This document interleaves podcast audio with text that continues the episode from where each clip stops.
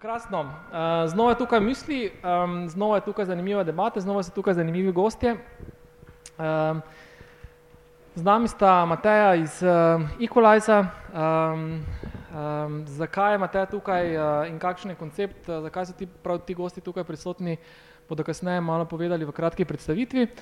Jerca iz Ambilsa, dobrodošla tukaj v, v Kibli, mislim, da si prvič tukaj, ne? upam, da ne zadnjič. Evo. Uh, in pa Milan uh, iz Virisa, um, prav tako ne prvič, tako da dobrodošel Milan in vsi dobrodošli in hvala za udeležbo na tej debati. Um, torej, misli je en izmed, um, še en izmed dogodkov, ki jih uh, skupaj z oziroma v podpori mestne občine organiziramo tukaj v Kibli. Namenjeni so pa diskusiji o različnih start-up tematikah um, z namenom povezovanja, spodbujanja, sodelovanja v naši skupnosti. Uh, tako da vse ob tem uh, še enkrat vabim k uh, besedi, vabim k vprašanjem. Imamo super zanimive goste, noben izmed uh, gostjev ne grize, Jerca je res, da ne grize, za, za vse poznam, Matejo za Milana povem, da ne grize, za tebe pa sem reči vprašal. Evo. Um, da bomo začeli debato z, uh, bistvu z enim takim uh, rahlim ogrevanjem, prosim vse tri goste za eno tako um, kratko predstavitev, kdo ste um, in pa kaj počnete. Mateja, ti si lahko mogoče malo krajša, Jerca, ti boš lahko malo daljša. Um, izvoli. Ampak ne preveč. Diskriminacija. uh, prav, jaz sem Mateja Verlič Brunčič, sem izvršna direktorica pri Equalize oziroma drugi vid. Z, sodelujemo z novo KBM, za njih smo prenovili mobilno banko in verjetno bomo še kaj več. Dovolj kratka? Mm, povej še kaj več. Kak je zanimiv projekt imate recimo zdaj v Equalize? S čim se zdaj poleg, kaj ti poleg um, kaj ti poleg banke, bo torej mobilne banke a, v bistvu predstavlja največji izziv kot projekt, zdaj trenutno v Equalize, s čim se največ ukvarjaš? A, trenutno se največ ukvarjamo sami sabo, ne, hecam okay. se. Uh, uh, imamo zelo veliko, oziroma večina projektov uh, je s strankami iz Londona, iz tujine, so zelo raznovrstni, tako da ne bi, mora, ne bi mogla zdaj s prstom pokazati konkretno na en projekt. Vedno je zanimivo, vedno se kaj dogaja, vedno gre vse prav, nič narobe. Uh, zdaj se nam pa obeta še pač malo večji projekt, o katerem pa ne vem, če že lahko govorim. Zdaj bomo pogledali Ampak... Luko, ne? Luka, lahko govorimo o tem večjem projektu ali še ne smemo? Je pa z področja fintecha no? in pa se dotika tudi nove KBM. Da, ja.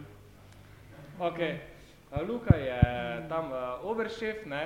Uh, oziroma ni glavni, vemo, kdo nosi hlače, v, oziroma kdo je glavni v, v tisti firmi, ne? Luka. Uh, Um, ok, ampak vseeno, no, če ti, recimo, na katerem področju imate največ projektov, mogoče se da specificirati, je to fintech ali je to ne, zabavna industrija, je mogoče možno reči, kje je zdaj neki največja grupacija nekih projektov?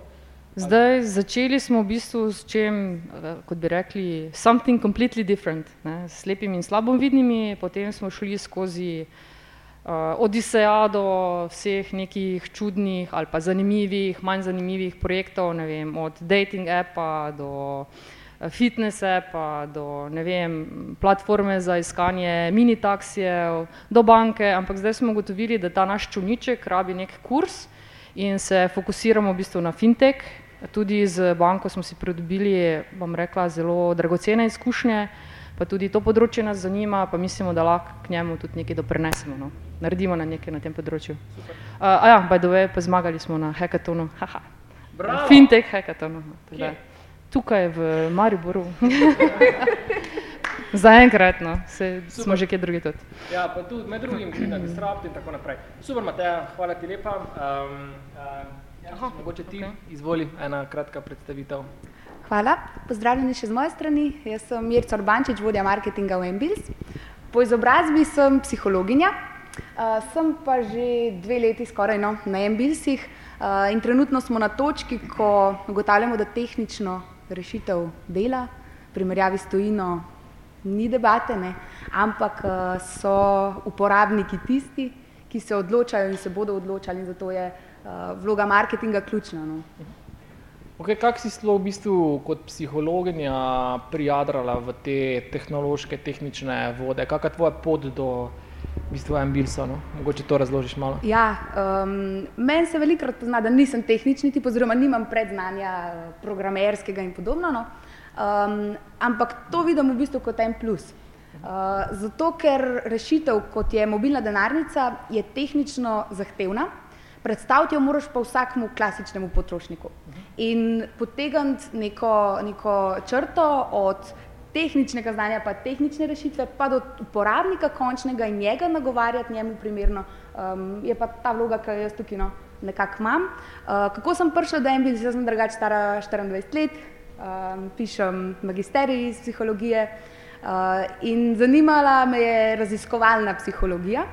Potem sem pa nekako videla, da je psihologija v podjetjih, naprimer kadrovska, ki mi je bila blizu, vedno v neki pomožni funkciji podjetja, ni pa tisto ključno gonilo, um, ki ustvarja ali dobiček ali pa na koncu uspeh in nek ključen doprinos, no, da podjetje dela to, kar želi delati. Um, in sem začela sodelovati na raznih hekatonih, na štirih sem bila recimo sicer Ljubljani, no tle v Mariboru mogoče še pridem. okay, Um, pa na razno raznih drugih projektih, vem, Demola je bil tle v Mariboru en projekt uh, in tako no. Razno razne stvari sem se angažirala, nekako iskala svojo priložnost in potem me je takrat še Halkom uh, povabil v svojo ekipo in takrat nisem vedela, v kaj se spuščam, danes sem vesela, da sem na glavo rekla ja. Cool.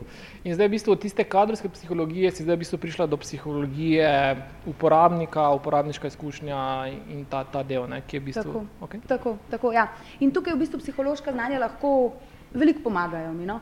Um, ne vem, če že govorimo recimo o raziskavah trba, trga ali pa intervjujanjih uporabnikov in tako na pogovorih mogoče z njimi in usmerjanje produkta v eno smer, da bo uporabnik, končni uporabnik tisti, ki mu je produkt namenjen in da bo produkt njemu prilagojen, so ta znanja psihologije vsekakor pomembna. Cool.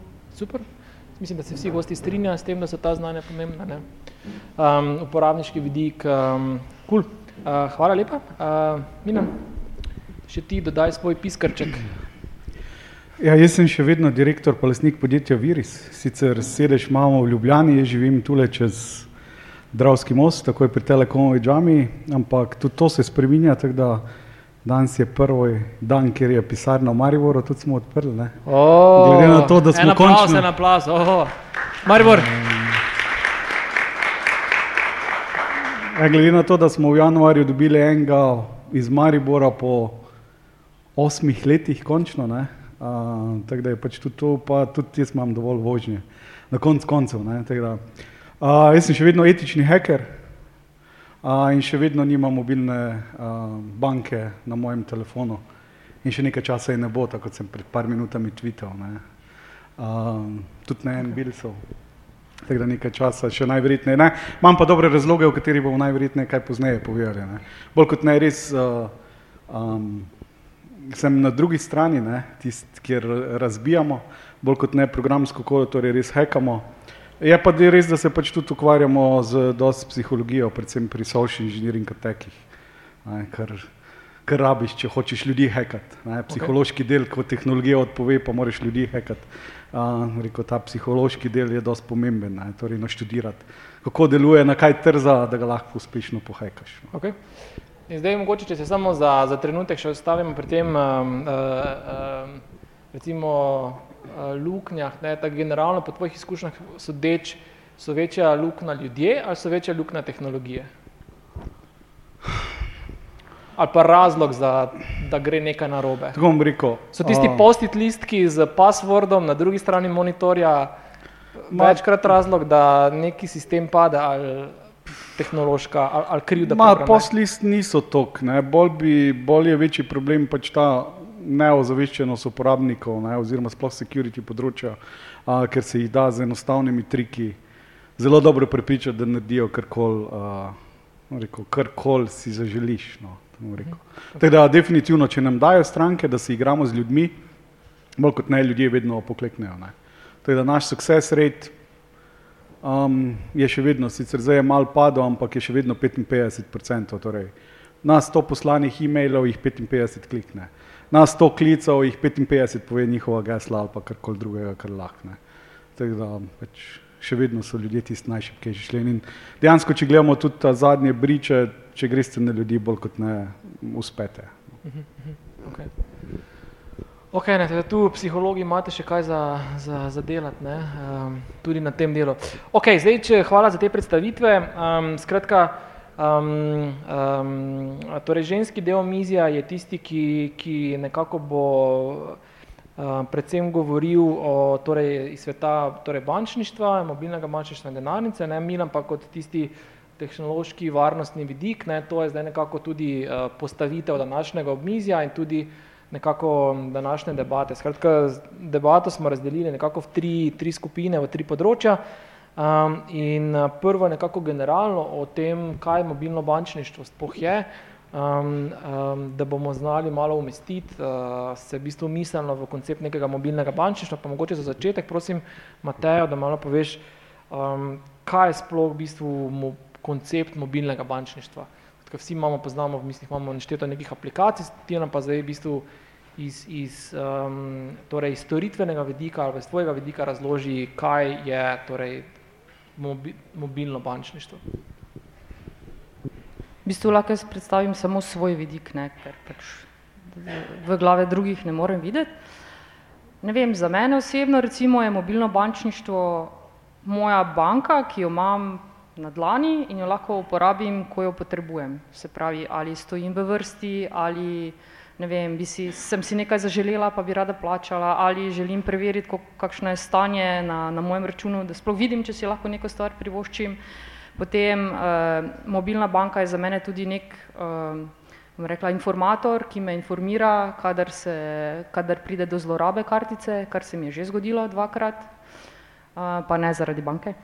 Eh, potem, v bistvu je jaz osebno vidim mobilno banko kot nekega finančnega sopotnika, ki bi mi lahko, mi še ne, ampak bi mi lahko pomagal narediti nek budžet, ne vem, za moje gospodinstvo, da vem, kje zapravljam denar, kje ga lahko prihranim, koliko si lahko privoščim, koliko je zdaj tista moja meja, preden bom v trgovini morala razmišljati, kaj bom dala v recimo košaro. Tako jaz vidim stvari. No, potem so še pa naprednejši ljudje, eh, ali pa rečemo eh, z več eh, financami, ki si želijo privoščiti, če ne vem, vlaganje v kakšne sklade ali v, ne vem, depozite ali ne vem, pač kakršne koli nov naložbe. Tudi to je potem del mobilnega bančništva, ampak eh, bom rekla, verjetno se večina s tem niti ne sreča. No. Okay.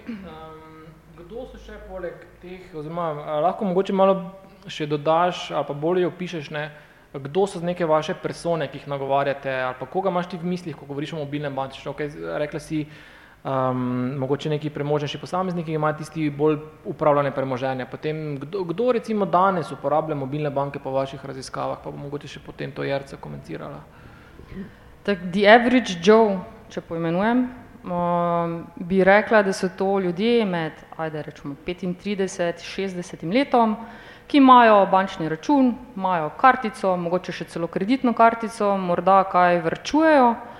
Uh, mogoče zdaj o, o konkretnih odstotkih ne bi govorila, niti jih ne poznam, ampak je pa nekaj takih, ko se recimo uh, spoglejujejo z kakšnimi naložbami, imajo ne vem, mogoče nekaj denarja viška, pa malo nalagajo, da ta denar ne, ne tiči doma nekje pod žimnico. No. To, to so zdaj, uh, bom rekla, ti, ki mogoče zdaj uporabljajo stvari, uh, se pa treba zavedati, da je vedno več tudi starejših ali pa recimo po združitvi razno raznih bank, ki je imela te različne persone, no, uh, bo treba poskrbeti tudi za malo starejše, ki niso mogoče toliko tehnično, uh, bom rekla, vešči in jih ne zanimajo naložbe, njih sam zanima, kdaj je penzija, koliko imajo na računu in če jim je kdo kaj sunul z kartice. Okay. Ne vem, tako si jaz predstavljam vse lahko, da je narobe. Hoče Jerte še tvoj komentar, torej kdo so kdo so danes te persone um, uporabnikov in kdo so neke persone, ki, bodo, ki prihajajo, pa ki si že nakazujejo v prihodnosti, da bodo postali uporabniki mobilnega bančništva?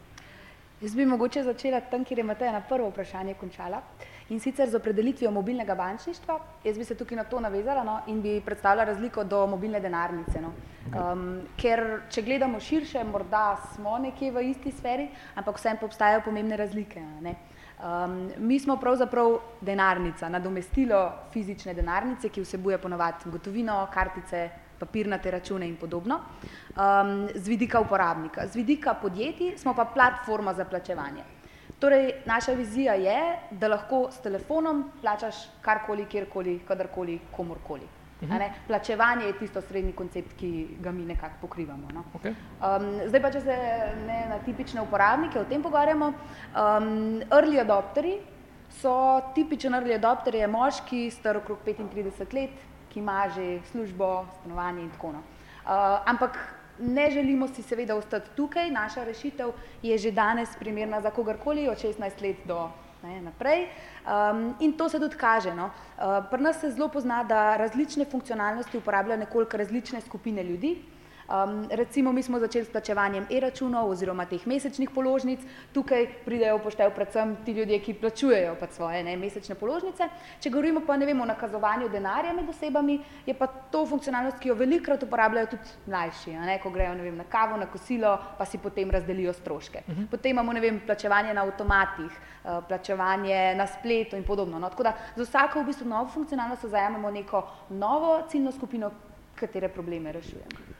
Okay, na kak način, um, bom rekel, iz katerega konca se vi lotevate novih funkcionalnosti? Ali v bistvu ali se lotevate funkcionalnosti, torej, oziroma tako ne bom vprašal, kakšen je ta proces, ali najprej razvijete funkcionalnost, pa se potem vprašate, za ko, kdo bo to funkcionalnost uporabljal, ali v bistvu delate obratno, ali najprej identificirate neko potrebo v nekem segmentu in potem se v bistvu vprašate, okay, kaj pa ta segment potrebuje in potem priredite funkcionalnost, kak je ta vrstni red. Recimo. Tukaj ni v bistvu enoznačnega odgovora, no? kaj to je kura in jajce vprašanje. No? Okay. Vedno, vedno se prilagajaš uporabnikom in vedno del rešitve pride iz tvojega ali strokovnega znanja, recimo temu. Mi izhajamo iz Halkoma, mi smo bili spin-off Halkoma, ki se ukvarja v bistvu z rešitvami tehnološkimi za banke.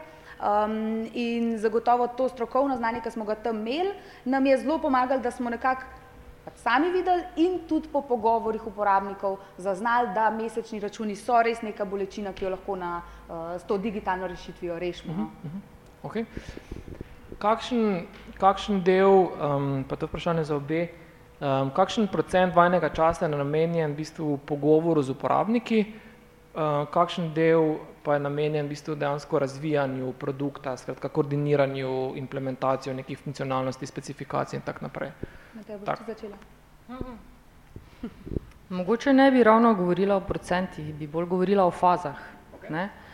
Naprimer, ko je treba narediti eh, neko novo funkcionalnost, običajno naredimo kak eh, ta user experience, prototip, s katerim se seveda preizkusi stvar na nekaj uporabnikih, ne, ne govorimo o stotinah, govorimo ne vem, o par, parih uporabnikih, ne, da se vidi uh, mogoče te, te ovire, ki jih lahko nek uporabnik uh, na poti od začetka do konca, da to funkcionalnost izvede, seveda, na, na katero lahko naleti. Uh, običajno poskusimo tudi, tudi z ljudmi, ki še v življenju niso držali mobilne banke oziroma banke na mobilnem telefonu v roki ali pa pač tudi spletno, ker pri takšnih uh, uporabnikih največkrat, pa ne uporabnikih, vidiš, kje, kje iščejo stvari, ne, kje bi jih našli. Da, uh, in to pač ponovimo, rinse and repeat. Uh, se pa zgodi, da tudi potem med samo implementacijo se pokaže, da je treba kaj narediti drugače, pač malo še ponovimo ta cikl. No. Ne bi pa zdaj o procentih. Ja, tudi pri meni je težko govoriti o deležu. No. Um, jaz sem vsem mogoče mal manj usmerjena v to samo načrtovanje funkcionalnosti, no, uh, bolj v marketing in uporabnike. Um, ravno zdaj sem pa razvila en, razvima, razvijam, no, en koncept stalnih, kontinuiranih pogovorov z uporabniki, uh, ker se mi zdi prva točka, ja, ko razvijaš novo funkcionalnost, druga zelo pomembna, pa tudi ko aplikacijo kot celoto nekako nadgrajuješ, ko prihajajo nove stvari zraven, da se ponovno povprašaš o teh starih, ki že stojijo, jih mogoče ponovno evalviraš in um, pač mogoče tudi malo spremeniš celoten uh, user experience. Ok, cool. Hvala. Um, Milan, razgovor oziroma odgovor na vprašanje, zdaj čisto tako tehnično gledano, ali je mobilna banka Dejansko na, je, je, je, torej, je to kopija moje banke, spletne banke v, na mobilnem telefonu ali je to na nek način drugačna tehnološka rešitev in pač jasno s, s tem vprašanjem povezano tudi neko, neko potencijalno tveganje. Ja, zdaj, če čist začnemo pri koncu, jaz na zadnje, ko sem bil na obisku pri, pri pač skrbniku v mojem banki, ne, Mislim, videl sem, da je šel skozi dober trening ne, ponujanja storitev mobilne banke, ker se je res trudil. Me pripričati v to, da mi pač zastojn da mobilno banko, ampak bolj sem se jaz trudil, pa mu je dopovedal, da jaz imam že razlog, zakaj mu nočem tega, ne, on je res do vrat je šel, ne, tako da tile na pač psihološki prijemi, treningi uslužbencev v banki delujejo, ne, ker res je imel, da, da vse razloge je naštel, ne, da pač me, pri, me je, imel je nalogo me prepričati, pa me nekako ni mogel. Ne, um, zdaj, glede pač tega tehničnega, pač tega se treba zavedati, ne, da, ne, ker si sprašujejo, pač, kaj so tisti minimalni standardi, kjer moramo, da pač ne bomo ostali brez znaja. Isto velja uh, tudi za mobilne, uh, rekel, mobilne aplikacije, bančne ali pa plačevanje računov in bili skrkoli. Um, včasih je spravljeno, da je treba iti back to the basics. Ne. Uh, kaj vam pomaga, pač super, duper varna aplikacija, če nimate telefona zaklenjenega. Ne. Torej, da najdete telefon, pa ne bo prvič, mislim, smo jih več, pa tudi kakšne tečaje, ko delam, recimo, je približno isti procent. 50 ljudi, a 50% ljudi, ali pa mogoče danes že malo manj, še vedno nima zaklenjenih telefonov. Ne? Torej, če nekdo zgubi, whatever, sicer so zaščitni mehanizmi dodatni, ne? ampak vse je. Tako da, um, eno je stvar uporabniškega vidika, tistega, kar pač ljudje gledajo, ne? drugo je pa, če pač drobove pogledate. Ne? Jaz, sicer tu mi gledamo malo zadaj tisto drobove, um, pa glede na to, da je vseeno mobilna banka še vedno softver, ne, softver ima bage ne, in vedno se karkoli najde. Vete, karkoli, kadarkoli smo pregledovali, nikoli ni bilo ne mobilne, ne klasične banke, kjer ničesar ne bilo not mogoče najti z stališča o varnosti. Ne. Je pa seveda tule drugi, stvar, eno je stvar pripričati nekoga, da si namesti mobilno banko na telefon, seveda drugo je pa, da ni samo mobilna, ampak je celoten ekosistem, torej ozveščanje ljudi, uh, varnost na samem telefonu, uh, aj ruteni telefoni ali ne ruteni, kaj kdo dela na tistem telefonu, ne, je dosti bolj nevarno kot pač sama mogoče varnost mobilne aplikacije, ki jo uporabljamo. Ne. Ok, ampak mogoče če zdaj, um, mislim si super to razložil, če se ne, malo mogoče naredimo še en korak više, ne, pa eno više v smislu neke ptiče perspektive na, na ta neki mobilni ekosistem. Um, torej niso zdaj samo banke, ker konec konca vsaka aplikacija, ki jo imamo naloženo, na nek način dostopa, ali mogoče dostop do naših vem, osebnih podatkov, konec konca pa do telefona ali pa do nekih cloud rešitev. Ne.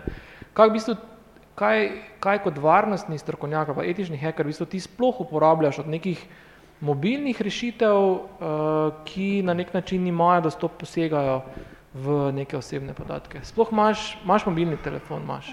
Ja, mobilni telefon imam, ne, okay. definitivno. Pametni tudi, ne. 62. Ne, mislim, ne, je, je pa res, da na mojem telefonu, pač torej produkcijskem telefonu, ki ga pač uporabljam, ne, a, je res dost mali nabor aplikacij.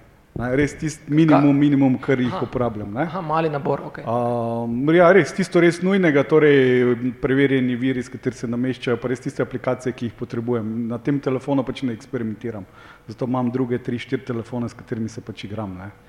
Um, tako da to plus, um, reko, dodatni varnostni mehanizmi od vem, zaklepanja do akonta, do dvonivojske autentikacije, kriptiranje telefona, ne, tako da tudi če pač ga pozabiš ali pa karkoli, če ravno meni se še ni zgodilo, ne, da bi ga pozabil, tudi noben telefon mi ni crkno, ampak se pa pač dogajajo stvari, mislim, dogajajo stvari in tule večinoma pač tole, Um, Doskrat pozabimo te stvari.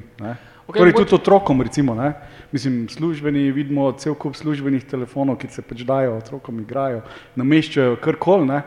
Uh, in ne rabite dosti, da namestite nekaj, kar zgleda kot super, duper aplikacija, ne? dejansko pa marsikaj zadaj drugega počne. Ne? Zdaj majna trenutno je in okay. torej tudi na telefonih.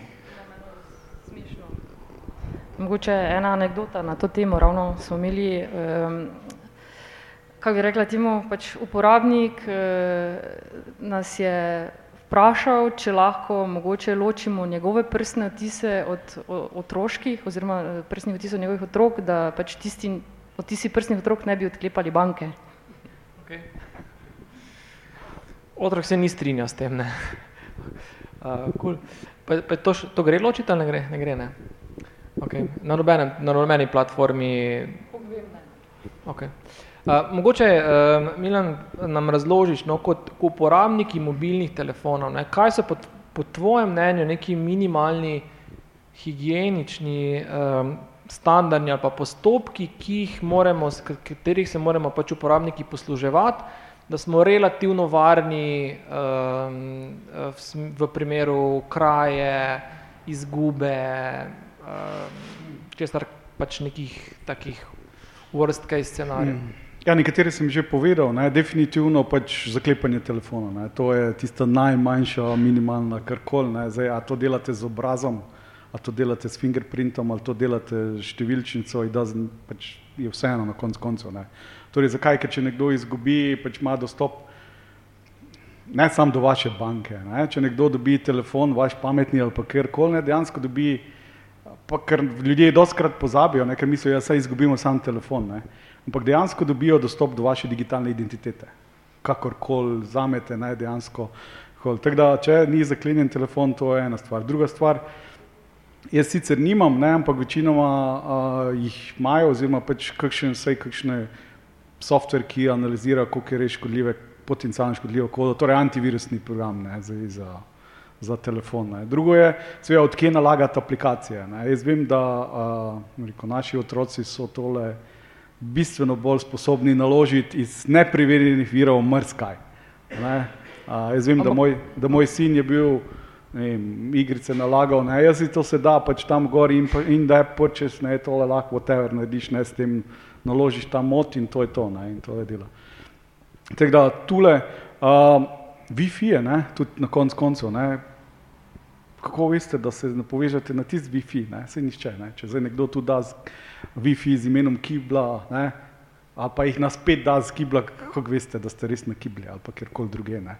Uh, to je recimo bil nekoč dosti problem, ne, ker so si laufali, pa se na Wi-Fi povezali, da dan danes, recimo pač Evropa, ko je naredila svoje s prenosom podatkov, tega ni več tok, ne, ker pač imaš 20, 15, 20 giga podatkov in pač tole, ne, tako da tule, pa seveda puščanje telefonov kjerkoli, ali pa posojanje na konc koncev, ne, jaz, uh, jaz mogoče sliši paranoično, ampak jaz ne posojam telefonom, ne, da kdorkoli karkoli naredi, ne, ali pa se ga dotakne, tudi ženi ne. ne.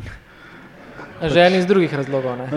Pa ni zaradi tega, ne? ampak pač problem je v tem, ne? ker res, če zdaj vzamem tvoj telefon, ne? dejansko jaz držim takrat tvojo digitalno identiteto. Ne? In jaz pač odvisno, kako hitro tipkate, ne? lahko to zlorabo to digitalne identitete, ne samo elektronske, bančne, elektronske banke ali pa karkoli drugega, ne?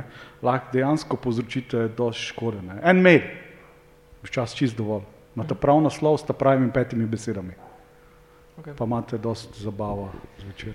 Ampak koliko so pri tem, pa mogoče to je neko tako zadnje uh, uh, vprašanje v takem generalnem smislu, kol, koliko so ti neki scenariji, ki si jih zdaj opisoval, vzamem telefon, uh, odprem mailbox, pet ključnih besed, točno določeni osebi, koliko so to realni scenariji, koliko je to sploh verjetno, koliko ni to neki taki miselni konstrukt, taka neka bolj paranoja, šizofrenija, ki je ono verjetno, da se to zgodi za neke normalne smrtnike govorim pač relativno malo. No.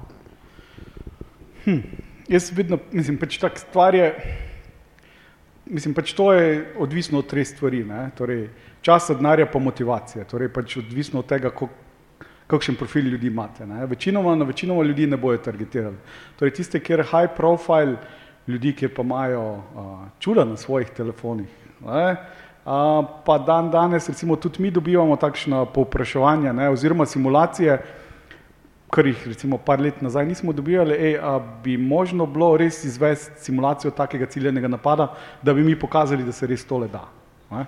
Tako da tudi, v, rekel, tudi to se stvari spreminjajo, zakaj, ker res na teh je, mislim, ni da ni, ne, tu gor, banka, ERP, dostop do interni, dostop do whatever, nekateri imajo celo kakšne tajne podatke, pa karkoli gor. Ne. Tako da jaz tule ne bi rekel, da pač ga zanemarljiv, je pa seveda odvisno od tega premna, kako visoko v hierarhiji ste. Ne. Ali pa mogoče tudi včasih je pa tak, ne, ni nujno, da vse, ko gledamo mi, ni nujno, da tistega, kjer ga pač ciljajo, da je končna, stran, končna, ča, končna tarča. Ne lahko se sam njega izkoristi za hop naprej, tako da rekel, je sam collateral damage. Veš, mislim, jaz, če bi hotel priti do tebe, bi lahko mogoče ciljal nekoga tvojih ali pa otrok, da lahko prijem pač tistega telefona, ki ga imaš. Ne. A, to je realno, tudi to se definitivno dogaja, tudi zlorabe take ali drugačne, recimo, ki prej v Sloveniji se takšni napadi ali znotraj podjetja ali pa konkurentov znotraj tega niso dogajali. Zdaj, v zadnjih dveh letih smo pa dobivali tudi takšna, rekel, tudi takšne projekte ali pa, da so pač otekali podatkov z telefonov, um, tablic, kjerkoli ne, in se pač tile selili. Tako da tudi tole Slovenija pač prihaja. Tako da jaz bi rekel, da niso zanemrljivi. No. Okay. Oziroma se jih treba zavedati. No. Tam rekel, ko ocenjujete tveganja, pač tem se morate pač tudi tole oceniti, da ta telefon lahko nekoč konča v rokah nekoga pač nevarnega, ki lahko to naredi. Okay, prej si še dve besede omenil, ko bi mogoče samo hitro, um, mogoče samo pokomentiral. Omenil si v bistvu kriptirane vsebine telefona, pa omenil si um, kako d- two-step authentication. vo- Ja, vodnivojska autentikacija. Ja, vodnivojska autentikacija. Um, vsi smo definitivno, mislim, ali pa predpostavljam, da smo se s tem soočili, če ne druga, ko smo inštalirali neki mobilni sistem, kakorkoli pač. Koliko je to smiselno, koliko je to poveča stopnjo varnosti, tak en kratek komentar, mogoče samo na ta dva protokola. Ja, zanimivo, pa- ja, zanimivo je bilo, da recimo leta nazaj je bil razmerje kriptiranja iOS-a pa Androida, vem, 95% naprav iOS-a je bilo kriptiranih, 5% Androida je bilo kriptiranih, ne, oziroma tega 95. Zdaj se je to definitivno spremenilo, tako da tudi Android je dan danes, recimo, če zdaj gledamo čisto ta dva, ki sta pač Windows Phone itak mrtev, ne, tako da tistega se sploh ne splača.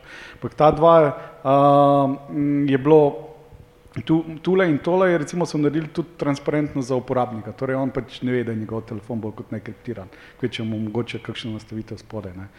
Um, drugo je pa pač, da uh, uh, ta problem, da pa pač vseeno se pa, ko dobite nov telefon oziroma ko ga pač uporabniki grejo kupiti, ne, se pač nišče jim ne razloži, kaj vsega je možno oziroma katere vse nevarnosti so. Ne.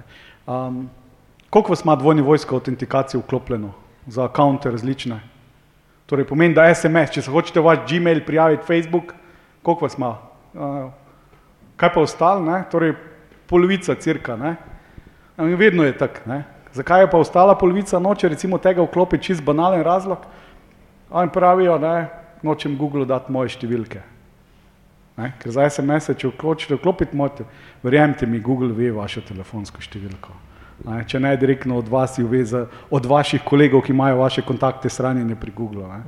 Uh, tako da te stvari, recimo, ne vem, takšne um, rekel, zmote mogoče ali pa napačne prepričanja, ki pač, uh, ki pač še vedno živijo. Ne?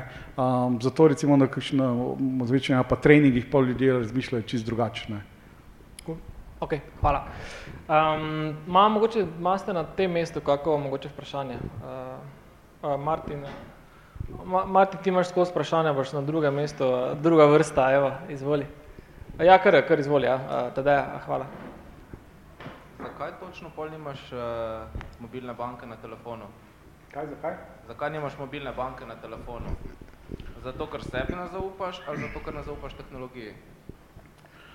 Um, po moje oba dva, raz, po moje oba dva razloga. No, prvo kot prvo, ne, pač, mislim, res, meni, jaz nikoli ne pogledam, koliko imam na računu. Ne, pač, Toliko imam, koliko, mislim, koliko Ja, ker da- pri tistih milijonih se tak Ja. človek zgubi. je to post- Uh, ne, to je drugo, pa mislim, marsikaj sem videl v, rekel, v, v mobilnih aplikacijah, v, predvsem tudi v bankah in pač, če bi že jo moral imeti, ne, če bi jo že imel, bi tole imel na nekem drugem ločenem telefonu, ki ga pač imel sam tole namenjeno. Ne. Imam pa kriptodenarnico, ne, tako da tile so me pa prepričali. Tako da, torej banke še morajo narediti, pa ne na tem, na posebnem. ki je zaklenjen v kleti z tremi super ključavnicami v neprebojnem sefu. Uh, ok, cool. okay, uh, še kako, Martin, ti si že imel vprašanje, izvoli. Glede na to, da Eh, Glede na to, da se Mateja pa Jerica ukvarjata s tem kot izvajalca, ima je v interesu, da pridejo spremembe pa posodobitve. Meni kot uporabniku pa je to najhujša nočna mora, da me bo nekdo navdušeno pozdravil, mi imamo pa neko spremembo, ki pa bo za vas koristna. Kak se, ali se sami omejujejo, ali jih naročniki, se pravi banke, ustavljajo, ali jih oni spodbujajo k spremembam, koliko se recimo držijo neke kontinuitete, da je za uporabnika zadeva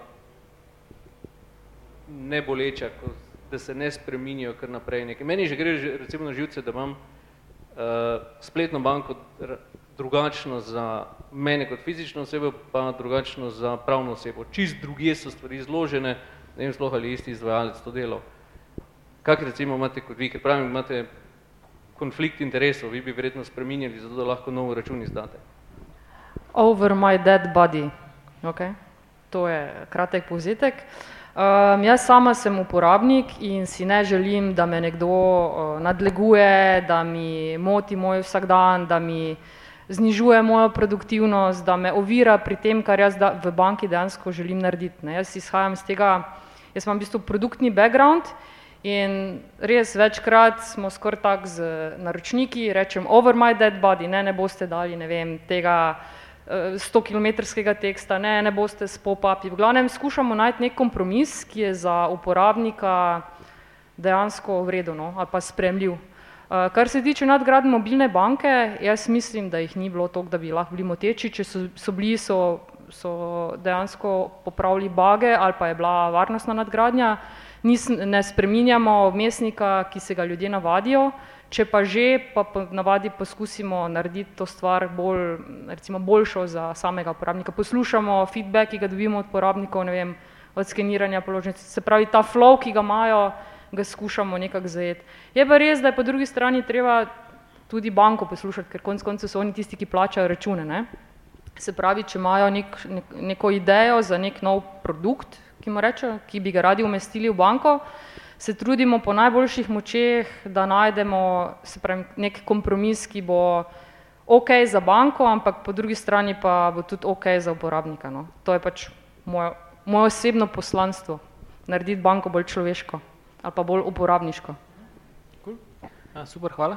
Ja, uh, tudi pri nas se zavedamo, da je naša mobilna aplikacija namenjena plačevanju, Eh, in zato prilagajamo kanale, po katerih določene vsebine komuniciramo. Um, če gre za neke bolj marketinške vsebine, vsekakor tega ne bomo komunicirali recimo znotraj aplikacije ali pa vsaj ne na mestu in ob času, ko uporabnik tega ne potrebuje. Um, zdaj, če govorimo o posodobitvah, so pri nas ponavadi namenjene ali odpravljanje nekih bagov ali pa nadgradnji v smislu novih funkcionalnosti, ki omogočajo neke dodatne načine plačevanja. Um, kar se tiče interfejsa oziroma spremenjanja uporabniške izkušnje, je pa naš, naša velika težnja poenotiti uporabniško izkušnjo za vse tipe plačil. Torej, ne glede na to, a jaz plačujem parkirnino, ne, danes recimo parkirnino plačam s kovanci, pol um, v spletni banki tep nakažem neka sredstva, pol položnico plačam vem, na pošti in razno razni te načini obstajajo. Ne. Naša, naše poslanstvo pa je, da v bistvu poenotimo vse te različne uh, načine plačevanja na skupni imenovalec in iz tega vedno izhajamo, uh, ko lansiramo novosti ali pa ko razmišljamo o nekih nadgradnjah. Cool. Uh, hvala, mogoče zdaj, če Jarice pri tebi ostanejo. Vi imate, uh, skratka, en bil si ima zanimivo zgodbo, ne? Vi ste, vi ste začeli kot neke vrste startup oziroma v okviru, kot projekt v okviru Halkoma in ste zaživeli potem en, v bistvu neko, ste potem se najprej uh, kot, kot uh, v bistvu nek spin-off Halkoma zaživeli samostojno pot, pa ste zdaj spet prišli pod okriljem Petrola. Lahko nam mogoče malo to zanimivo zgodbo razložiš, uh, kako se je ta, ta rešitev, ta zgodba, uh, zanimiva zgodba v bistvu odvijala. Ja, res je. Najprej smo bili del Halkoma, v bistvu spin-off podjetja um, in od tam smo nastali in to se nam na nek način v pozitivni luči pozna še danes. Uh, zato, ker je za razvoj take rešitve, ki je po eni strani strokovno finančna, po drugi strani tehnološka, potrebno ustrezno tehnološko predznanje um, plačilnega prometa in ostalih uh, področji. Um, smo pa na neki točki, ker smo nagovarjali pač končne uporabnike, se odločili, da, da ločimo nekako svoje poti, pa kljub temu ostajamo povezani. No. Um, zdaj, kot sami, ne, kot MBILS, smo ugotovili, da bo prodret do vsakega slovenca in kasneje tudi v tujino uh, težko. Pri, pri spreminjanju navad je ena od uh, ključnih stvari, da temu ponudniku dovolj zaupamo, da ga poznamo, da vemo, kdo je in da nas kot tudi blagovna znamka prepriča. In kot en čist nov, mehen igralec na trgu, pri nas je še danes sredno zaposlenih osem ljudi, ne, um, te neke moči na tak način uh, smo ugotovili, da nimamo ne, in da potrebujemo enega uh, močnega partnerja na našem trgu, ki bo um, z nami delil to skupno vizijo. No. Zdaj pa, da se mogoče predstavim v Petrolove čevlje, ne. tukaj lahko lepo povzamem uh, Tomaža Berločnika, predsednika uprave Petrola, ki je na novinarski konferenci povedal tudi, zakaj so oni šli v to zgodbo. Uh, in sicer so oni bili vedno zaprta schema, ne? karkoli so omogočali, recimo njihove plačilne kartice, vedno je bilo omejeno samo na njihova prodajna mesta. Ne? In odpiranje te plačilne scheme ni enostavna naloga. Ne? Na naši strani pa ker smo neodvisen ponudnik, ne, to je pomembno mogoče na tem mestu omeniti, mi smo na voljo komorkoli, ne glede na to, pri kateri banki ima odprt bančni račun, ne glede na to, pri katerem mobilnem operaterju ima sklenjeno naročniško razmerje, ne, res smo odprta schema in zato omogočamo plačevanje povsod. Um, in tukaj smo se s Petrolom v bistvu našli no, uh, in v bistvu od 1. decembra naprej uh, skupaj nadaljujemo to zgodbo mobilnega plačevanja. Cool. Ok, skratka, in omenila si eno zanimivo stvar, skratka, da je pri bistvu penetraciji do uporabnikov, da je zaupanje tisti najpomembnejši faktor, um, pač, ko se nekdo odloča za ali, pač, ali pa ne odloča za mobilno banko. Je še kakšen taki zelo močen dejavnik, ki prevladuje, recimo, ko ste se pora, po, pogovarjali z vašimi obstoječimi ali potencijalnimi uporabniki, ki so taki zelo kritični, kar se tiče uporabe tovrstnih rešitev? Ja, lahko začnem z eno tako presenetljivo številko. Eh, Evropska centralna banka je novembra 2017 izdala poročilo o uporabi gotovine in drugih plačilnih sredstev v evroobmočju in ugotovili so, da je delež plačil z gotovino še vedno 80%, v volumenu pa 68%. Eh, to nekako kaže, da rešitve, ki so bile do tistega trenutka na trgu, niso uspele zadovoljiti vseh potreb ali pa dovoljšne dodane vrednosti mogoče. No? Ponuditi uporabniku. Ne. Eden od faktorjev uh, so vsekakor navade. Ne. In navade lahko premostimo tako, da najprej probamo, potem pa dovolj pogosto stvar ponavljamo. Ne. Um, in, in to je nekaj, um, kar je neodvisno mogoče od tehnologije. Ne. Tehnologija, kot sem na začetku rekla, tehnologija je na voljo, ne, tudi v primerjavi s tujino. Je pa treba vedeti, da recimo v tujini so rešitve podobne naši, um, imele zelo uspešno penetracijo. Ne. V Keniji recimo polovica prebivalstva plačuje na tak način, vsak mesec se zgodi 140 milijonov transakcij. Na Danskem ima najuspešnejša rešitev MobilePay, 3,5 milijona uporabnikov, plačujejo kot celo za kralje ulice. V Južni Afriki plačujejo za sadje pa zelenjavo na tržnici. To pomeni, da so tam ugotovili neko bolečino, ki jo te ljudje imajo. Recimo v Keniji ni bankomatov, ni dostopa do gotovine, pa so zato mobilne rešitve ne, zelo primerne za nje. Um, in mi na tej točki pravzaprav smo ugotovili, da je tisto, kar si uporabnik želi, um, da lahko na enak način plačuje vse, da je to tista dodana vrednost in zato v tej smeri nekako gremo. Um, ne, jaz kot uporabnik si ne želim plačevati parkirnine z eno aplikacijo, pa na avtomatu z drugo, pa še mojo, svojo mobilno banko imeti in ta, te razpršenosti. Mm, um, to mm. združevanje, centraliziranje pa je nekaj, kar res poenostavlja plačevanje. Konec koncev se moramo zavedati, ne, da plačevanje verjetno ne od mene, ne od nikogar od vas ni osrednja dejavnost, ni fokus našega življenja. Ne. Mi, ko gremo nekam ali pa ko nekaj počnemo, želimo tisto početi, s, s tem namenom ne smo prišli ali pa s tem namenom nekam gremo. Ne. Plačevanje je obstranskega pomena, to naredimo zato, da do nečesa dostopamo. In zato je naša misija poenostaviti to plačevanje, narediti to enostavnega, da lahko v trenutku brez dodatnih uh, ali naprav na strani podjetij ali pa na strani uporabnikov nekih dodatnih stvari, ne vem, kartic, terminal, podobno. Ne. Uh -huh, uh -huh. Odpravimo plačilo in gremo naprej. Okay, mogoče, če samo omeniš tri neke najpogostejše scenarije, zaradi katerih je recimo vaša rešitev um, tako res izstopa iz recimo nekega poprečja, pa je res tako super uporabna. Kaj so neki taki trije najpogostejši scenariji, zaradi katerih rečeš, uf, MBL ja. super res kul? Cool. Um, začela bi s tem, s čimer je MBL začel, e-računi. Uh, vemo, da so provizije recimo poš na pošti, na bankah, visoke v trafikah, um, da če plačujemo vem, v svoji spletni banki, vnašamo noter uh, podatke, reference, sklice in podobno, um, da se moramo enkrat na mesec spomniti in iti to narediti in tako naprej. No. Um, Pri nas pa lahko je račun več kot 350 podjetij iz cele Slovenije, dobiš neposredno aplikacijo, ga odpreš, pogledaš specifikacijo, potrdiš okay. in tukaj je zgodba zaključena. To je recimo ena od stvari. Potem okay. druga zelo, zelo stvarno, ki jo nekako mi vidimo, da je velik in pomemben korak naprej, je Ambil's Go. Uh, tukaj gre za plačila na prodajnih mestih. Um, jaz danes, če grem ali v trgovino ali pa na benzinski servis, ne, ponavadi vzamem sabo kartico, ne, zvestobe, ponavadi, ne, potem imam kartico za plačilo ali pa gotovino za plačilo, prodajalec mi more vrniti zadevo ne, in jaz vzamem papirni računček in grem domov. Ne. Pri nas z Ambil's Go pride z aplikacijo, seveda se noter upišeš, uh, potem pa pokažeš barkodo na zaslonu, na skener, ki ga ima tisti prodajalec in s tem je tvoj postopek zaključen. Mhm v eni akciji si tako plačal, kot bil vključen v ta sistem zvestobe, dobil ugodnosti oziroma jih uporabil, kakorkoli, in papirnat račun prejel v elektronski obliki uh, na MBIS mobilno denarnico ne, in tako papirnat račun ni več potreben. To sta recimo dve no, od okay. takih. Prej me je še v bistvu bila zanimiva stvar, ki si omenila to, da gremo ne vem, z desetimi ali pa ne vem, pri nas imamo v službi ne, scenarije, ne, gremo eh, s 16 jemalcev, ne, dobimo en račun in to je potem velik izziv si razdeliti, ne, skratka vsi imamo polne predale drobiža, ne, um, je tudi to rešitev? Um.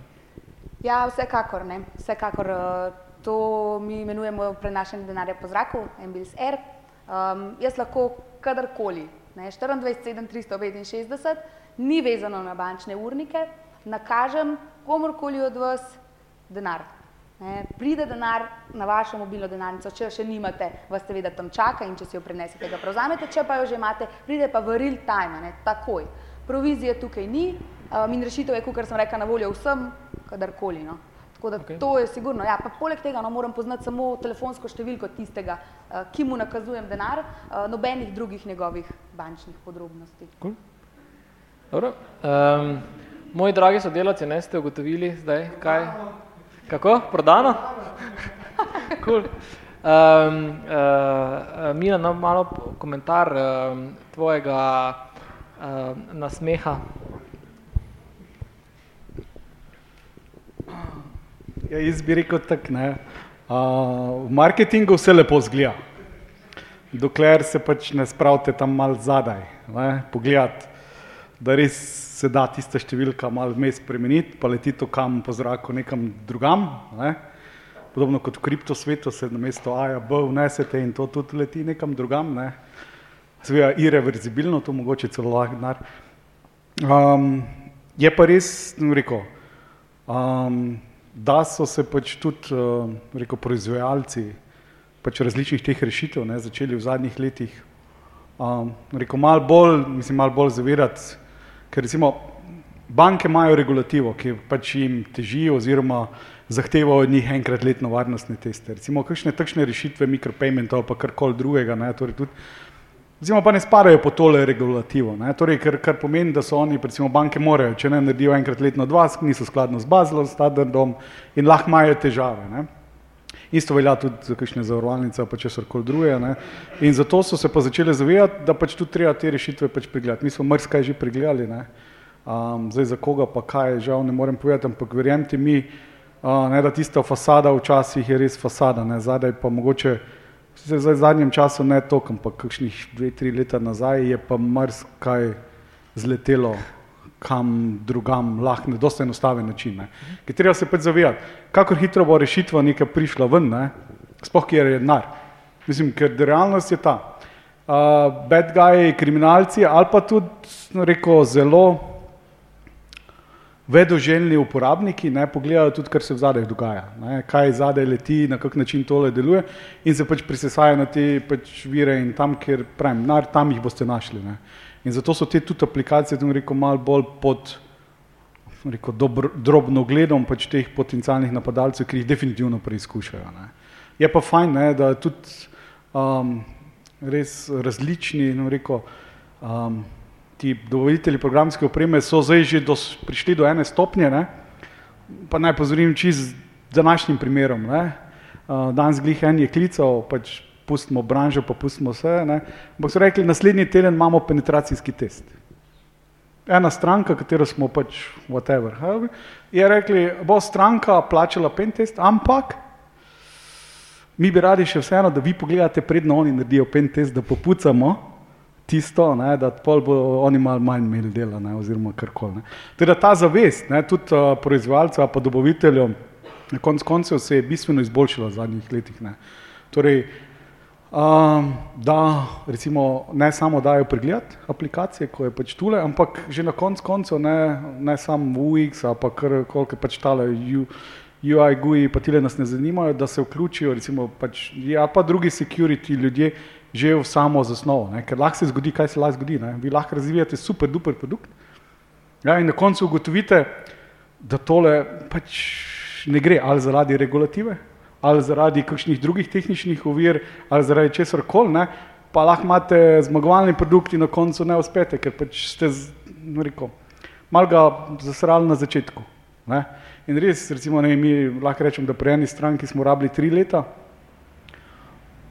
da smo jih prepričali, da pač nas vključijo, glede na to, da smo zdaj pač neko preglede, pa ne vem, karkoli security audite delamo tam, že sam razvoj. Torej, ko se začnejo pogovarjati, ne, mi bi imeli nekaj, ne, uh, da začnejo že zraven, da se tudi security by design začne. Aha, ne, pa dajte sam, ampak rekel, nas pokličejo na inicijalni sestanek, pa povejo, dajte nam povedati, kaj bo tole implikacije na security, oziroma kaj lahko naredimo, da bo tole od začetka do konca, voče ne, da pred produkcijo rečemo, da je tole, pogledajte, pa pa vidimo, da si tako na začetku sfolili. Mm. In tole je ta stvar, kjer se pač tudi mi trudimo, da pač neko vse ljudi spravi na tole višji nivo in tole vse, ampak je pa stvar tole procesa. Ne. Tole like, traja zelo dolgo, ampak so na dobri poti. Ne, Jaz verjamem, da so tudi tem bili si bili pregledani. Hvala. Izvoli. Nekaj, kar nekaj je bilo že govora o varnosti, pa mislim, da je na mestu, da jaz dam en komentar. Um, varnost je v MBLS naša glavna prioriteta in to ni marketinški stavek, ampak delo vsak dan. Um, mi imamo dovoljenje Banke Slovenije za izdajanje e-denarja in upravljanje plačilnih storitev in pridobitev tega dovoljenja ne boste verjeli, koliko ur, uh, pa ne samo ur, ampak znanja in vsega ostalega uh, je za to potrebnega. Um, mi smo bili ne samo strani Banke Slovenije, tudi strani drugih inštitucij, uh, večkrat pregledani in podobno. Um, in če teh testov ne bi prestali, danes naše rešitve sploh ne bi bilo in ne bi bila na voljo. Poleg tega se z Banko Slovenije posvetujemo ali pa ne posvetujemo, dosežemo konsens tudi pri uvajanju novih rešitev. Um, tako da varnost by design, ne, uh, že v sami, sno, sam, pri samem snovanju uh, funkcionalnosti je vsekakor nujna. In um, mi in jaz osebno mislim, da je treba se pogovarjati o varnosti in treba ljudi ozaveščati o varnosti. To delamo recimo tudi mi sami, ne v komunikaciji z uporabniki, tudi na spletni strani imamo priporočila varnostna za uporabo aplikacije, ki obsegajo tudi marsikaj, kar je prej Milan nekako uh, navedel. No. Um, je pa tako, ne, mi kot tehnološki proizvajalci ali pa proizvajalci aplikacije um, se vsak dan trudimo, da je varnost na najvišjem nivoju. Um, In to je tudi največ, kar lahko naredimo. Potem pa je tudi na strani uporabnika in vseh vključenih v ta proces, da, da zagotavljajo varnost na tem nivoju, ki je potrebna. Saj pa strinjam, da nobena varnost oziroma nič na tem svetu ni popolno in stoprocentno. Uh mhm. -huh. In tudi ne more biti. Lahko pa težiš, da je čim boljša in čim uh mhm. -huh. večjo varnost zagotavljaš in to mi delamo. Okay. Zdaj tudi, če pogledamo v bistvu na globalnem nivoju, pač kolikor tudi jaz razvijam ta svet, pa me kar popravite, če, če se napačno uh, Imamo dve vrsti rešitev. Ene so recimo mobilno bančništvo, pa rešitve, ki imajo tudi dovoljenje, ki so tudi v bistvu imajo vse certifikate kot normalne banke. Recimo tudi N26 je v bistvu banka, mislim, po vseh standardih. Ne. Imamo pa druge rešitve, kot so pa, uh, ne vem, konec konca tudi kakšni revoluti ali kakšni, ki pa niso v bistvu banke. Ne. Um, um, je tu moje razumevanje tega trga pravilno, ali še tu kakšna druga, tretja kategorija? Kaj, kar, kar popravi? Mi nismo banka, pa imamo okay. to dovoljenje. Um, tudi N26 ima neko licenco, ampak gre za to, katero vrsto rešitve imaš ali pa kere storitve ponujaš in glede na to si ustrezno certificiran in ustrezne regulative za te veljajo. Ok, ok, ok, cool, hvala. Um, Milan, prej si pač omenil, ne, da ti ne, nimaš nobene mobilne banke oziroma mobilne denarnice, imaš pa kriptodenarnico. Uh, zakaj pa te kriptodenarnica v bistvu si zaslužila zaupanje tvojega mobilnega telefona in tebe, uh, ostale stvari pa ne? V čem je glavna razlika recimo med kriptodenarnico in Mislim, tako je. No. Uh, jaz pač videl sem marsikaj mobilnih aplikacij, ne, pa sem hodil videti, ali je tudi kriptodenarnice, torej so kaj bolj narejene ali, ne, kot karkoli drugega. Ne. Teda bolj to pa seveda malo, mislim, tako je. Ne, mi, um, rekel, security geeki malo drugače pogledamo te stvari. Ne. Ni, ni sam nameščen, ampak tudi kar se zadaj uh, rekel, komunicira. Plus, um, rekel, v tistem trenutku se mi je zdela pač ta rešitev, oziroma pač najbolj, var, mislim, najbolj varna, ker nas je mi novega notebooka kupovati, lažje kupim en telefon, ki ga res safe zaklenem. Ne, ne v kleti, ampak ne, za tremi stenami, ne vem, z neprebojnimi. da ti imaš v bistvu na mestu ledgerja, imaš v bistvu mobilni Imam tudi ledgerja, ampak pač imamo boje, no, mislim, tem rekel, ampak a, me je zanimalo, koliko so res te, ker pač zanimivo je, uh, rekel, zanimivo je pač svet, ne, a, ta, in dejansko je bila bolj kot ne, uh, rekel, uh, želja videti oziroma primerjati, koliko kriptodenarnice ne, uh, dosegajo mobilne aplikacije, ki jih pač gradijo kolegi tule, ne, a so kaj zadaj ali so kaj spredaj, ne, uh, In tvoja ugotovitev je? Rekel, um, rekel, se jim približujejo, no, tako bom rekel, ne, ker vseeno moramo pač vedeti, ne, da mobilne, mobilne banke imajo neko daljšo tradicijo, recimo kot pa sami kriptovoleti ali pa te stvari. Ne. Tako da definitivno so zadaj, so pa določene stvari, glede na to, kako celoten kriptosvet deluje. Oziroma, ne, celoten ta blockchain kripto ne, je pač, spravim, prej, ko smo se pogovarjali, sem se hecal, da dejansko ta svet je kot uh, ne vem, development leta 97. Ne, torej, ne, oziroma en, en slajd sem prejšnjič imel, uh, gor na enem predavanju, ne, kripto svet je kot uh, teenage sex, everybody is talking about, but nobody is doing it. Ne, uh, in je res, rekel, še dosti bo treba. Rekel, še dosti bo treba investirati, da se bo tole, mislim, da se bo ta development svet, pa tudi na zadnje security tem uh, stabiliziral. ne. Teda tule res definitivno so banke sprejeli. Zakaj? Ker to pa toliko let razvoja, pa toliko pa toliko investicij se pač nekje mora, mislim, nekje mora poznati, ne? torej pač neko stopnjo varnosti. tako Da, Torej, ni izključen razlog, da pač zaupaš kriptodelavnici, je denarnici na svojem mobilnem telefonu, je, ker imaš v bistvu namenski mobilni telefon, ki je zaklenjen v sefu in ni v. Ja. Ne, okay, ne zaradi tega, ker bi bila ta denarnica tehnično, kakorkoli drugače, bolj Ne, briljantna. ne, ker tudi videli smo, recimo, zdaj, če že se kripto pač ledgerja, ker si ga omenil, ali karkoli prej, ne, smo videli dva tedna nazaj, ne, da 15-letnik je dejansko ledgerja razbil.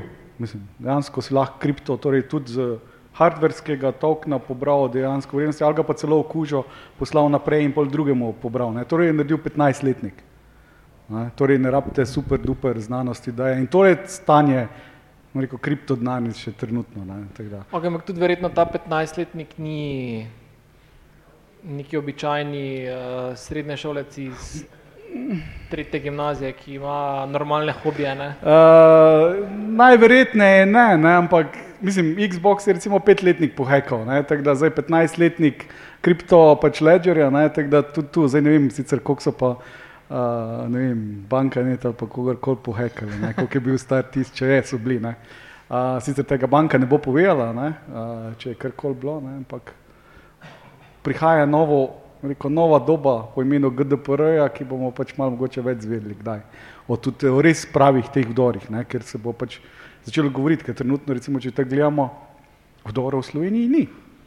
Do razen mogoče lansko leto IPES, pa klinični center, ne, ki ga recimo so oziroma napotnice tam, ampak uradno drugih, recimo, rekel, tudi odtekanja podatkov ali pa kraja podatkov, um, ni. Ne. Zdaj po tej direktivi, ki pač prihaja, ne, bo pa pač to treba malo sporočati, bo tudi se najverjetneje kakšna statistika vodila. Teda definitivno stvari se na podlagi teh statistik se pač lahko tudi nivo varnosti izboljšuje, ne samo v mobilnih aplikacijah, ampak tudi overall. Okay, cool. um, uh, dame, mogoče tako za, za zaključek debate. Um, mobilno bančništvo definitivno pač ni zdaj več samo nek, neka, neka možna izbira, ampak dejansko neki trend, ki ki, ki je v bistvu neizbrisen, ki je zelo jasen in uh, v bistvu je vedno bolj prisoten v uporabniškem življenju ali pa v uporabniških scenarijih vseh nas. Um, kam pa gre ta trend, oziroma kje vi vidite kot ustvarjalci ali pa so ustvarjalci tega trenda, kje, kje bom, kaj bomo mi počeli, kaj bomo imeli v dlani čez pet let ali pa čez deset let, koliko lahko to zasanjate, kaj se dogaja, recimo, um, Mateja se je zazrla. Um, če govorimo o sanjah, ne, potem jaz ne vidim niti več telefona, vse to, ne vem, se kar dogaja. Ne. Če pa pogledamo realnost, um, potem pa vidimo, da se, so vse večje korporacije, med njimi tudi banka, kot tanker, ne, ker moraš za pet let naprej, za par stopinj nekak smer uloviti in potem to traja pet let, da se tja premakne. Potem za naslednjih pet let, mislim, tako pač je, ne, da je to banka, take so korporacije. Ne. Tako da jaz zdaj tukaj eh, nimam magične krogle, s katero bi napovedovala prihodnost. Definitivno uh, bo tudi vplivala starost uporabnikov malo na, na razvoj. Ne?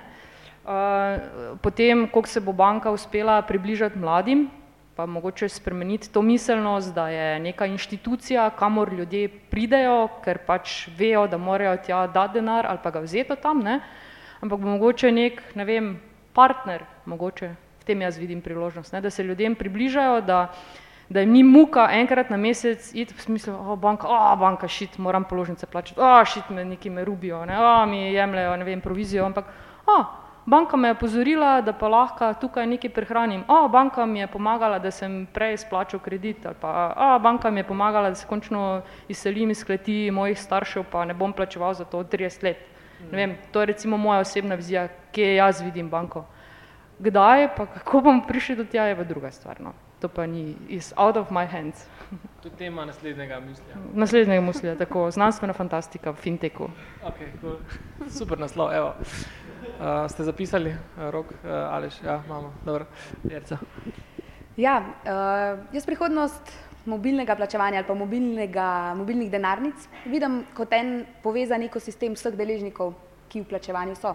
Torej na eni strani trgovcev, na drugi strani uporabnikov, na tretji strani bank, na četrti strani ponudnikov rešitev, kot je naša. Um, Velikokrat dobim vprašanje, kdaj bo ta rešitev prevladujoča um, in to je povezano tudi s tvojim vprašanjem o sanjah. Um, v bistvu je ta prihodnost, o kateri govorimo, da bo čez x let na voljo že danes, je pa na uporabnikih, da jo preizkusijo. Uh mhm. -huh. Ok, super, hvala. Hočeš še Milan?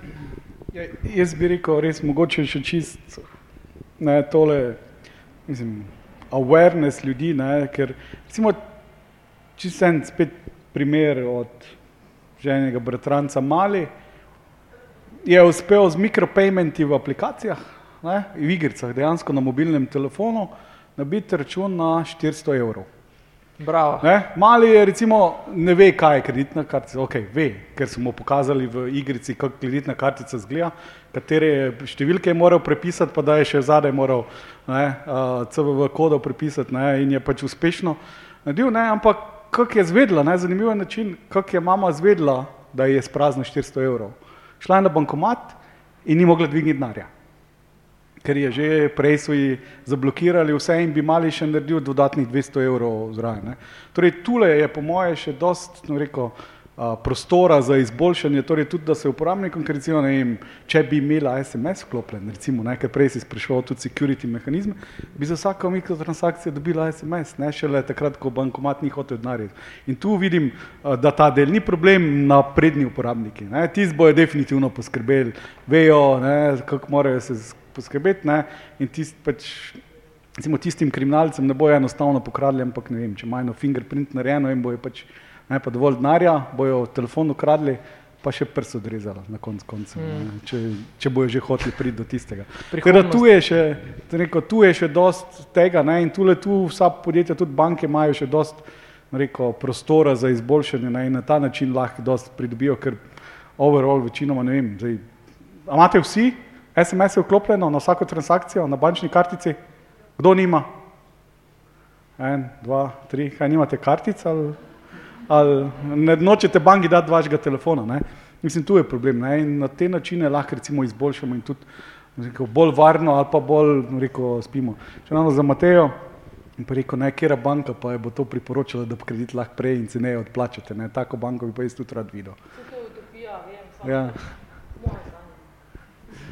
Govorili smo o sanjah, tako da, Miran. Uh, okay, eno, eno, mogoče še na to vezano vprašanje. Skratka, um, Jarica, mogoče imaš ti podatek, kakšna je zdaj, uh, recimo, penetracija, prej si malo omenila Danska, uh, okay, Južna Afrika, pa Južna Afrika, pa mogoče pa ti trgi so čisto specifika, ker oni so spletno bančništvo, dansko čisto preskočili, oni so iz, iz šaltere šli na telefone. Ne? Ma koliko je recimo v nekih razvitih državah, uh, koliko je v Sloveniji ali pa penetracija mobilnega bančništva in koliko bo recimo po tvojem, po nekih prognozah recimo čez pet let recimo tako preko palca? Ja, mobilno bančništvo težko govorim, mobilno plačevanje lažje. Ok, mobilno plačevanje Ja. recimo. Um, po teh podatkih od Evropske centralne banke gre za nekaj procentov, če. Ok, Ja. in koliko bi se naj ta procent, vem, v petih ali pa desetih letih povečal? Ja, te napovedi so že veliko večji strokovnjaki od mene podajali več deset let ali pa vsaj deset let nazaj in napovedovali briljiranje teh rešitev že danes in včeraj. Okay. Pa do tega ni prišlo. Tako da to je zelo težko in nehvaljivo napovedovati. Um, se, lahko pa rečemo, da tehnologije ali pa rešitve, ki se opirajo na obstoječe uh, tehnologije, ki so že prisotne, recimo na kartično infrastrukturo, ne morejo in ne bodo prevladujoče v prihodnosti, um, da je ta neodvisnost in uh, odprtost v bistvu ključ no, za prihodnost. Še na tole Milanovo um, opasko bi se navezala glede uh, potrjevanja samih transakcij. No. Pri nas je recimo v aplikaciji zasledujemo koncept, da je vsako transakcijo potrebno potrditi. No. Um, in s tem dosežemo, da se nič ne zgodi brez uporabnikove, ne samo privolitve, ampak želje, zahtevka njegovega. No. Ok, ok, cool. Uh, ima kdo še za konec kako vprašanje? Martin, mikrofon. Uh, jaz imam en predlog za povečanje penetracije. Uh, v Braziliji me je presenetilo in v Sao Paulo, v Rio de Janeiro, ki so napredno mesto, da nihče ne uporablja gotovine. Ali kartica ali mobilno plačevanje. Ampak je bil preprost razlog uh, ta, da je bilo preveč uh, ropov. In edini način, da si se zavaroval, je, da nisi več imel denarja s sabo. In je bila to akcija oblasti, da so ljudi prepričali, gremo mi proti gotovini in s tem bojo oni iz favel nehali delati zgago po ulicah, ker ne bojo mogli nikomu več gotovine ukrasti. Tako da povečanje ropov na cestah bo absolutno za vas dober marketing. Zapisano, evo. Torej, banke bodo začele ropati. Tako, banke organizirati trope. Ok, cool. Hvala, Jaz, Martin. jaz glede penetracije mislim tako, no, um, da je uporabniku, to je recimo bil eden od zaključkov OECD foruma na fintech temo, um, da je uporabniku v razvitih državah še vedno potrebno dati izbiro ne, in potem je na naši strani, da imamo rešitev, ki ima dovoljšno dodano vrednost, da on izbere našo. In verjetno je, ali pa ne verjetno, jaz mislim, da je utopija pričakovati, da bo že čez nekaj let stanje čist drugačno od 80% gotovine, ker verjetno ne bo. Ampak gremo pa v to smer in rešitve um, imamo ali pa lahko razvijemo, da bodo ta procent povečali. Cool. Um, Ženske imajo vedno zadnjo. Ja, ne, jaz sem mogoče eden izmed tistih procentov uporabnikov, ki raje plačuje z gotovino in sicer iz dveh razlogov. Ko grem v tujino, recimo, kot sem že prej omenila, v Ameriki so mi zlorabili kartico, prvič sem ugotovila zelo pozno, drugič na srečo pravočasno zaradi SMS-a in potem sem rekla, nič, bom ja šla z gotovino, zato da ne bom uporabljala kartice, da mi je ne poskimajo in tako naprej. In je šlo vse lepo do zadnjega dne, ko sem ostala brez gotovine in sem morala iti na bankomat in bum, so mi skimali kartico. Drugi razlog pa je mogoče ta uh, vse prisotnost tega targetiranega oglaševanja, ker če plačujete s kartico, ne, če greste recimo v kakšno spletno banko pogledat, imate tam tudi breakdown, imate vse transakcije in do nedavnega si misle, da ima banka v bistvu pogled vse to in lahko na podlagi tega naredijo neke analize, vse verjetno do neke mere že no, ampak da je to potem podlaga, ok, vejo, kdo sem, naredijo moj profil, vejo, kaj mi targetira, to od ne vem, tega kredita, te kartice, te funkcionalnosti, ne. V bistvu ni tako, so, so kar omeni, no, ampak mogoče tudi še kak drug uporabnik razmišlja, le že Google me targetira, ve, kje sem, kaj počnem, kaj berem, s kom hodim, da imam 20 minut od tukaj do doma, uh, kdo so moji prijatelji, kaj otroci delajo, ne. Morda pa banka ne rabi, ne vem, to je bilo moje mišljenje do pač nedolgo nazaj. Ja, se strinjam. Eh, Tudi pogovori z uporabniki našimi ali pa potencijalnimi uporabniki kažejo, da je ta anonimnost pri gotovini marsikomu všeč. Um, je pa tako, no, da tudi v našem primeru gre pravzaprav za pač e-cash, e-gotovino in zagotavljamo enako stopnjo anonimnosti. Nismo plačilni, nismo eh, transakcijski račun, kot je bančni, ampak smo plačilni račun. To po eni strani seboj prinaša, da ne morem plače gor dobivati ali pa vem, dohodkov iz študentskega dela, um, po drugi strani pa mi omogoča večjo stopnjo na nek način zasebnosti in manjšo, manjše število um, institucij, ki imajo upogled v to. No. Um, je pa uh, varovanje teh podatkov, GDPR prihaja, kot je Milan omenil, ampak tudi na splošno. Varovanje teh podatkov je ena od ključnih stvari, pa smo spet pri zaupanju, s katerim smo skoraj da začeli, da uporabnik zaupa in se odloči za uporabo takih rešitev. Skratka, začeli smo pri zaupanju, zaključimo z zaupanjem. Um, hvala za, za ta super pogovor, um, hvala vam za, za, za pozornost in uh, en velik aplauz za goste. In, uh,